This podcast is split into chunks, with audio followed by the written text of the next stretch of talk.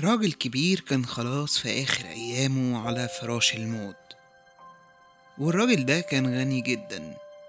فقرر يطلب من ربنا طلبة غريبة أوي قال له يا رب أنا عشت حياتي دي كلها بجمع الثروة الكبيرة اللي عندي. فهل بعد كل ده هسيب كل ده وأمشي؟ هو ما ينفعش أخد معايا شوية حاجات منهم وأنا جاي لك فربنا قال له ليه؟ كل الحاجات الأرضية ما تصلحش لعيشة السما. فساعتها الراجل قال له أرجوك يا رب اسمح لي. فساعتها ربنا قال له ماشي. تقدر تجيب معاك شنطة واحدة بس. فساعتها الراجل أمر كل الناس اللي شغالين معاه إن هم يجيبوا أكبر شنطة عنده ويملاها بسبايك الذهب.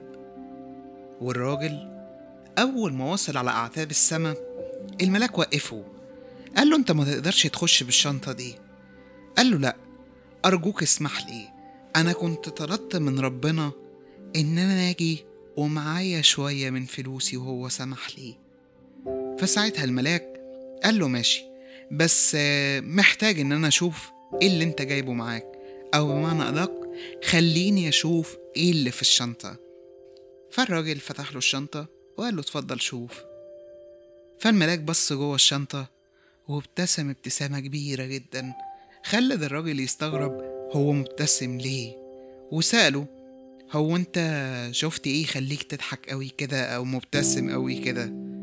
فالملاك قال له أنا مستغرب إنك إزاي جبت معاك اللي إحنا بنستخدمه هنا علشان نرصف الأرضيات.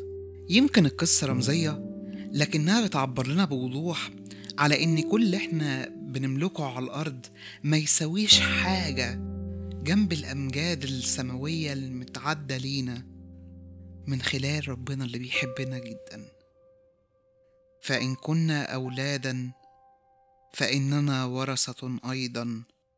ورثة الله ووارثون مع المسيح.